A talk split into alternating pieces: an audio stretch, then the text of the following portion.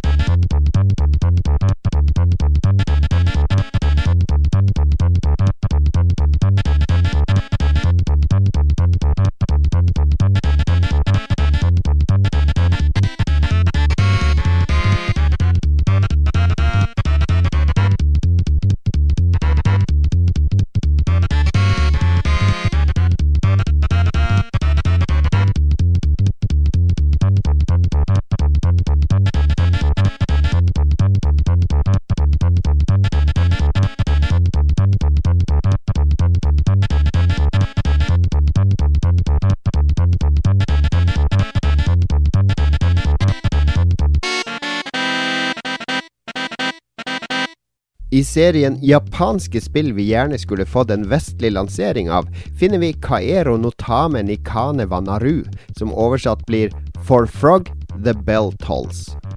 Ikke bare har spillet en fantastisk tittel som er et ordspill på Hemingways klassiske roman, det er også et spill som skulle bli fundamentet for et av tidenes beste Gameboy-spill. Spillmotoren til rollespillet Kaero no Tame Nikane Vanaru ble nemlig gjenbrukt i klassiske The Legend of Zelda, Links Awakening. Flere av figurene fra dette spillet dukker også opp i små roller i Links Awakening. Ergo et opphav vel verdt å sjekke ut. Om du ikke gidder å dra på romjakt til Gameboy-emulatoren, kan du nøye deg med denne vakre Totaka-låta fra spillet.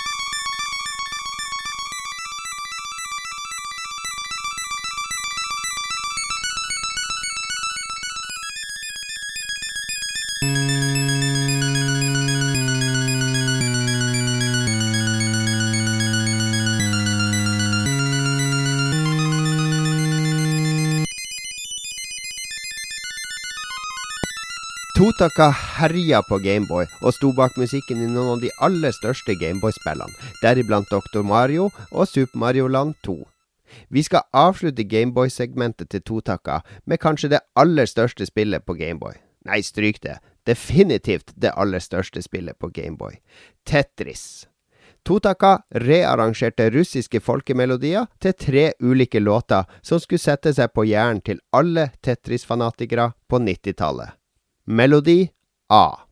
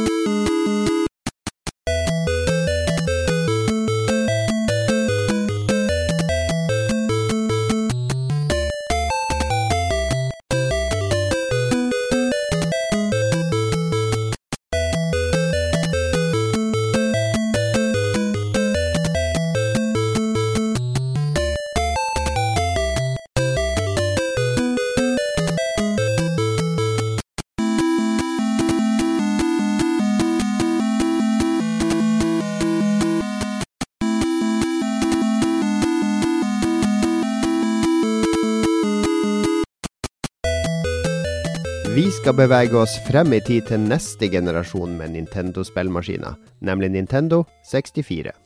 Mens legendariske Koji Kondo fikk lage musikk til Super Mario 64, og amerikaneren Dan Hess komponerte til Pilotwings 64, fikk Totaka jobben med å lage musikken til Wave Race 64. Og for et spill Wave Race 64 var! Jeg kan fortsatt huske første gang jeg så den japanske utgaven i spillbutikken jeg jobba i. Vi var sjokkert over at Nintendo lagde et realistisk racingspill, og den fantastiske bølgefysikken var helt banebrytende. Totakas musikk fanga konkurranseånd og strandlivet perfekt.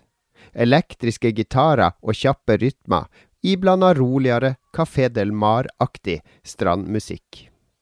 Her er den stemningsfulle melodien fra banen Milky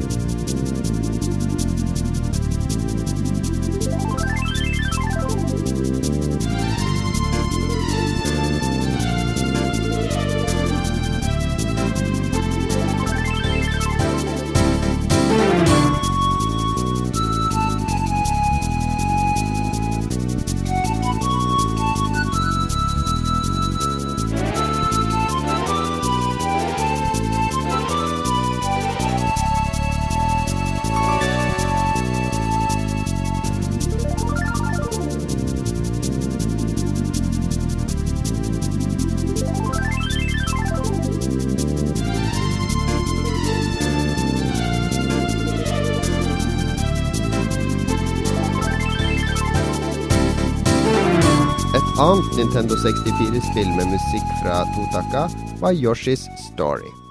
Yoshi's Story var et ekstremt barnevennlig plattformspill, og ikke akkurat det fansen hadde håpa på etter det fenomenale Yoshi's Island på Super Nintendo. Den oversøte tittelmelodien med syngende Yoshia hopper vi glatt over. Vi setter heller på temasangen fra Baby Koopas Castle. En lavmælt og stemningsfull melodi, som er et godt eksempel på hvordan Totaka gjør sitt aller beste arbeid når han stripper ned lydbildet og fokuserer på rolig samspill mellom bass og melodi.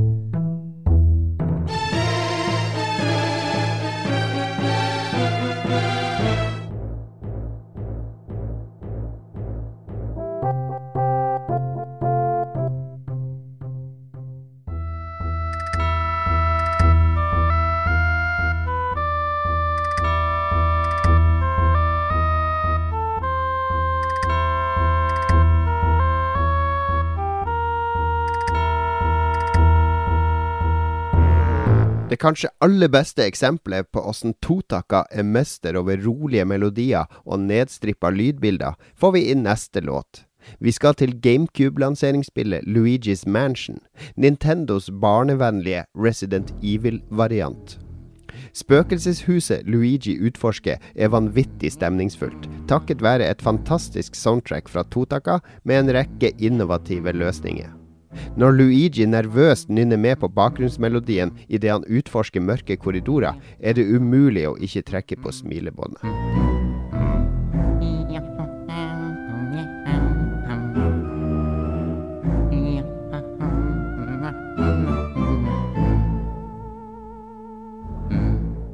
Det er likevel ikke tittellåten jeg vil fremheve fra dette spillet. Spillets kanskje minst nervepirrende øyeblikk finner sted når vi er i professor E. Gadd sitt laboratorium, der Luigi leverer fanga spøkelser. Bakgrunnsmusikken, en rolig funkballade med melodilinjer fra et nervøst orgel, er helt strålende.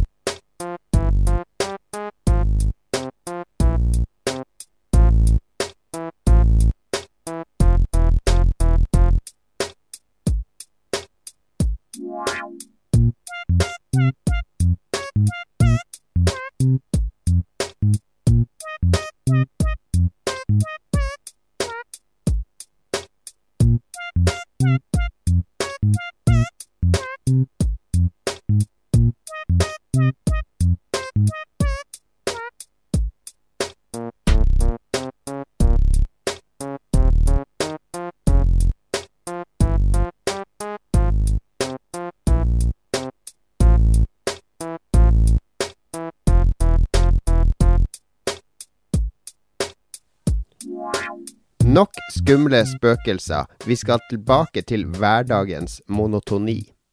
Animal Crossing var Nintendos forsøk på å lage et alternativ liv for spillerne sine, der man levde fra dag til dag i sin egen lille landsby. Det opprinnelige spillet, lanserte Nintendo 64 og GameCube, hadde en mystisk og magisk aura over seg. Man ble glad i de her merkelige dyrene som vandra rundt, og man tok ansvar for landsbyen sin. Jeg spilte Animal Crossing i over et år. Gjennom vinter og vår og sommer jobba og sleit jeg for å betale ned boliglån og pleie vennskap.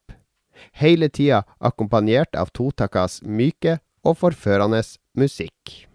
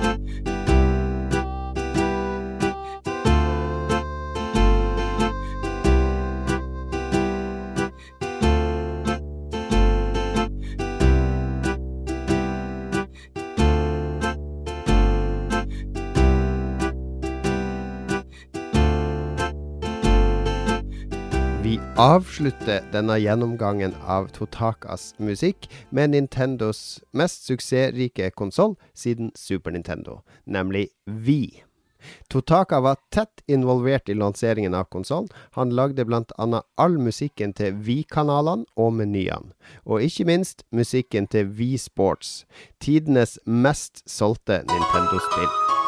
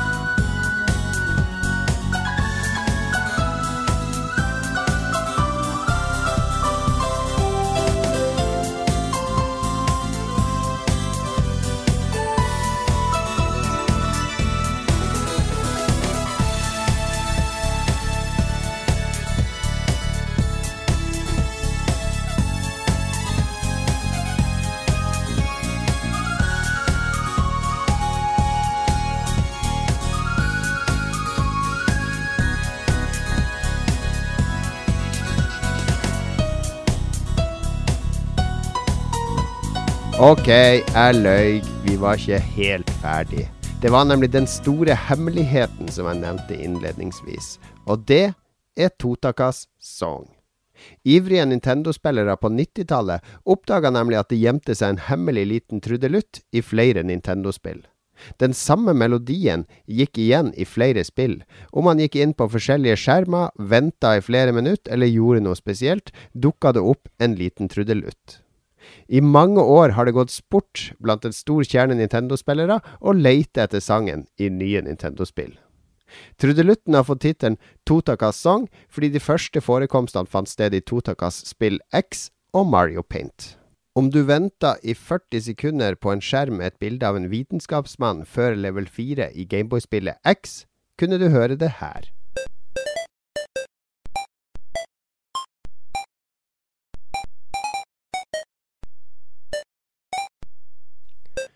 Om du trykker på O-en i logoen til Mario Paint på Super Nintendo, blir den til en bombe, og det her skjer.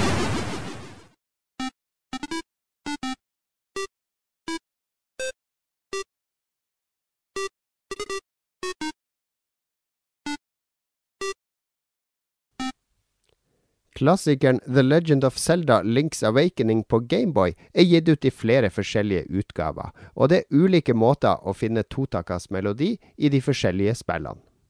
Min favoritt er likevel den japanske versjonen av spillet. Skriver du inn navnet Totakeke eh, som navnet på spilleren din, skjer det her.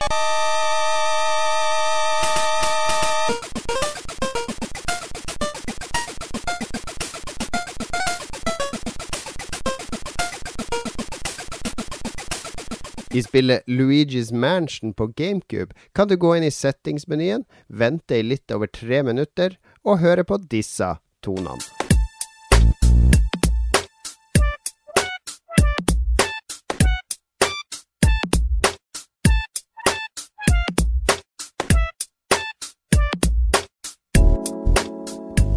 Etter en lang dag med utforsking og skattesanking i Pikmin 2 på GameCube, kunne det jo hende at du studerte skatteskjermen på slutten av brettet. Satt du lenge nok på den, ville du høre de her kjente tonene.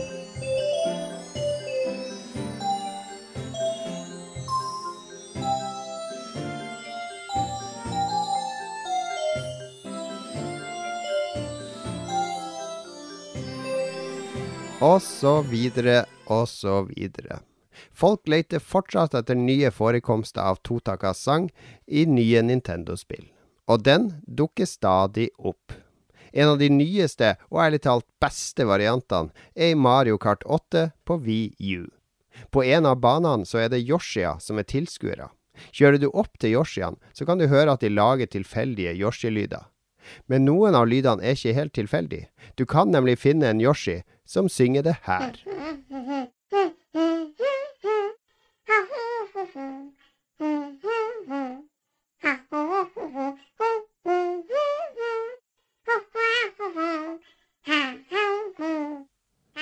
Det mest fantastiske med akkurat denne forekomsten av Totakas sang, er jo at det er Totaka sjøl som synger her. Ja, Kazumi Totaka er Yoshis offisielle stemmeskuespiller. Vi avslutter reisen vår inn i Totakas verden her. Kanskje har du funnet inspirasjon til å begynne å jakte på Totakas sang sjøl? Det finnes guider og lister på nettet som viser deg hvordan du kan finne han i de aller fleste Nintendo-spill som han har jobba på. Men det kan godt hende at det finnes forekomster som ikke er oppdaga ennå. Jeg håper du har hatt en trivelig halvtime sammen med meg her i Sidbua. Når neste episode kommer, vet jeg ikke. En gang tidlig på høsten, håper jeg. Takk til alle som har hjulpet meg underveis. Takk til Magnus Tellefsen for grafikken. Takk til Stein Pedersen for introvignetten. Og takk til youtuberen Griffin Bound for uh, en kronologisk oversikt over Totakas uh, musikkforekomster. Vi høres igjen ganske snart.